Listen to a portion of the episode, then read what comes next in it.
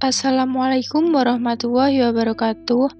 Perkenalkan, nama saya Yulia Wulandari dari Institut Agama Islam Syarifuddin, Prodi Manajemen Dakwah.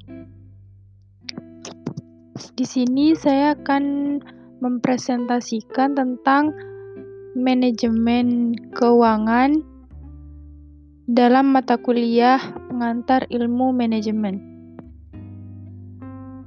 Nanti saya akan menjelaskan tentang pengertian, pengertian manajemen keuangan, fungsi dan tujuan manajemen keuangan, tanggung jawab dari manajer keuangan, dan tips mengelola manajemen keuangan. Dan langsung saja, yang pertama yaitu Pengertian manajemen keuangan. Manajemen keuangan adalah gabungan dari dua kata yaitu keuangan dan manajemen. Manajemen sendiri pasti kita semua sudah tahu apa arti dari manajemen. Sedangkan keuangan adalah sumber kehidupan bagi perusahaan yang fokus dalam bidang bisnis. Dan uang yang digunakan sebagai modal Jumlahnya akan semakin berlipat ganda jika perusahaan mengelolanya dengan baik. Topik utama dalam manajemen keuangan ini adalah bagaimana seorang manajer keuangan yang membuat suatu keputusan keuangan pada hari ini akan mempengaruhi hasil dan resiko yang akan diterima perusahaan di masa yang akan datang. Jadi, manajer keuangan ini harus bijak-bijak dalam mengambil keputusan keuangan karena dapat mempengaruhi tujuan dari perusahaan itu sendiri.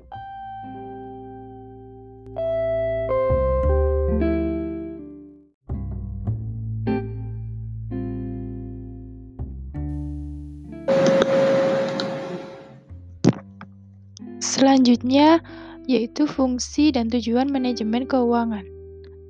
Yang pertama, memaksimalkan kekayaan pemegang saham.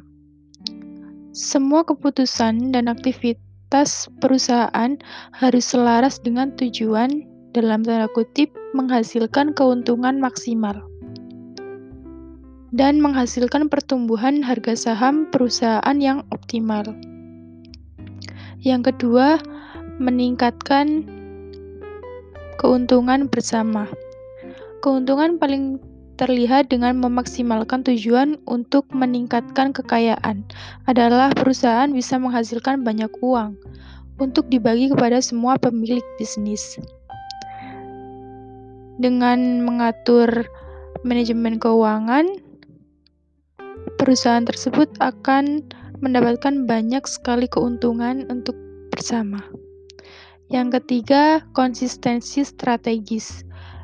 Jika perusahaan beroperasi dengan tujuan utama untuk memaksimalkan kekayaan, keputusan perusahaan kemungkinan akan selalu terikat dengan unsur memaksimalkan kekayaan, dan itu harus terjadi secara konsisten. Jika untuk memaksimalkan kekayaan itu, perusahaan tersebut harus bekerja secara konsisten yang keempat, menghindari emosi dan impuls. Perusahaan memiliki potensi lebih besar untuk membuat keputusan emosional atau impulsif, yang dapat menggiring perusahaan untuk menentukan faktor biaya yang tinggi dan hasil bisnis yang buruk.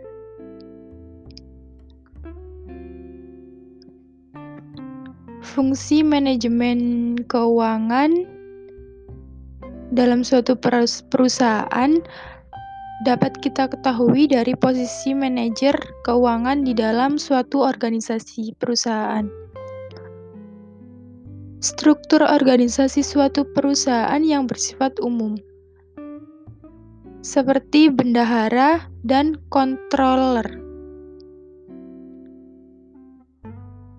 Mereka bekerja di bawah manajer ke keuangan dan keduanya bertanggung jawab dalam fungsi manajemen keuangan. Bendahara bertanggung jawab secara langsung untuk memanajemen kas dan surat berharga, merencanakan struktur modal, menjual saham untuk menarik modal tambahan, mengawasi dana pensiun, serta memanajemen resiko. Sedangkan controller bertanggung jawab untuk mengawasi bagian akuntansi dan pajak. Jadi, lingkup manajemen keuangan sebenarnya lebih pada aktivitas-aktivitas yang dilakukan oleh bendahara.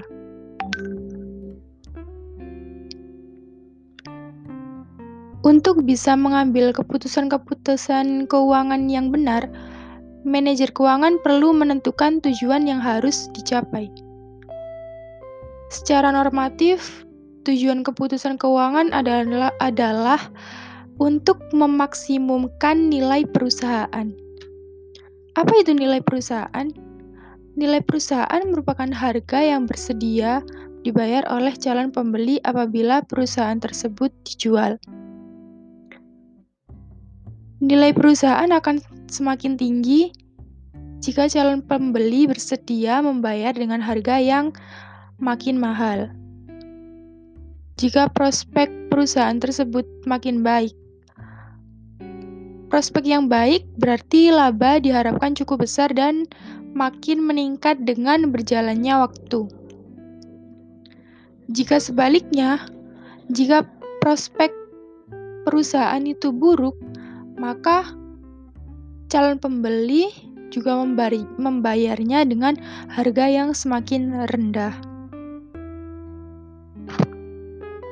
Maka tujuan peningkatan nilai perusahaan dipergunakan sebagai tujuan normatif.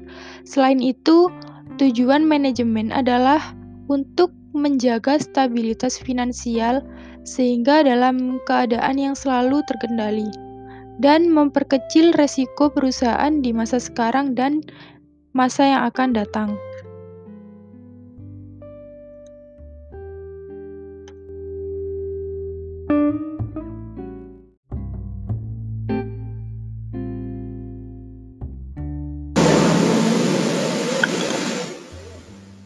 Berikutnya, tanggung jawab manajer keuangan. Yang pertama yaitu menganalisis aspek finansial dari semua keputusan. Yang kedua, menentukan jumlah investasi yang diperlukan untuk mencapai penjualan yang diharapkan. Yang ketiga, menentukan bagaimana memperoleh dana yang diperlukan untuk membelanjai investasi yang direncanakan.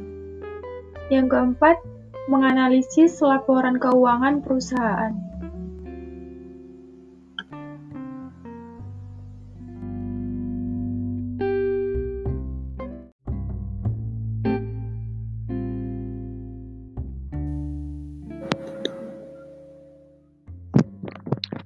Kemudian, tips mengelola manajemen keuangan. Setelah mempelajari tentang fungsi, pengertian, dan tujuan manajemen keuangan, kita juga harus tahu bagaimana tips pengelolaan keuangan yang ampuh. Berikut ini beberapa tipsnya. Pertama, pisahkan antara rekening pribadi dan keuangan perusahaan. Uang pribadi dan perusahaan harus dipisah Hal tersebut berguna untuk mengukur keadaan keuangan perusahaan dan menghindari penyalahgunaan keuangan perusahaan. Jika keduanya dicampur atau tidak dibedakan, maka akan mudah mengalami kesalahan-kesalahan dalam perusahaan tersebut. Yang kedua, alokasikan pengeluaran untuk menggaji diri sendiri. Meskipun perusahaan tersebut milik diri sendiri, di setiap bulan Anda harus mengalokasikan dana untuk menggaji diri Anda sendiri. Yang pasti sesuai dengan kebutuhan dan kinerja yang Anda lakukan. Jika Anda meminjam uang di perusahaan sendiri, juga harus dicatat sebagai utang dan harus dikembalikan. Yang ketiga, membuat laporan keuangan. Laporan keuangan dibuat dengan tujuan mengetahui keluar masuknya uang dan dapat mengetahui untung dan rugi usaha yang sedang berjalan. Yang keempat, membuat catatan proyeksi arus kas. Dengan begitu, perusahaan bisa mengetahui kapan harus mengeluarkan dana serta kapan waktunya menerima dana. Catatan ini juga berfungsi untuk mencari upaya sebelum terjadi kerugian pada keuangan perusahaan. Yang kelima, hindari uang menginap di karyawan. Maksudnya menghindari itu, jangan sampai uang perusahaan dibawa oleh karyawan yang mengatur keuangan perusahaan besar kemungkinan uang tersebut akan dipakai untuk keperluan pribadi si karyawan. Yang keenam, lakukan cek stok barang. Mengecek stok barang secara berskala akan meminimalisir manipulasi. Sering terjadi stok barang yang sudah terjual ditulis belum belum terjual. Jadinya Dana yang harusnya masih ada harus menghilang tanpa tujuan yang jelas. Tetapi jika kita sering melakukan cek stok barang, hal itu mungkin bisa terhindari dan tujuan perusahaan akan lebih cepat tercapai. Mungkin itu saja yang dapat saya sampaikan. Kurang lebihnya mohon maaf. Wassalamualaikum warahmatullahi wabarakatuh.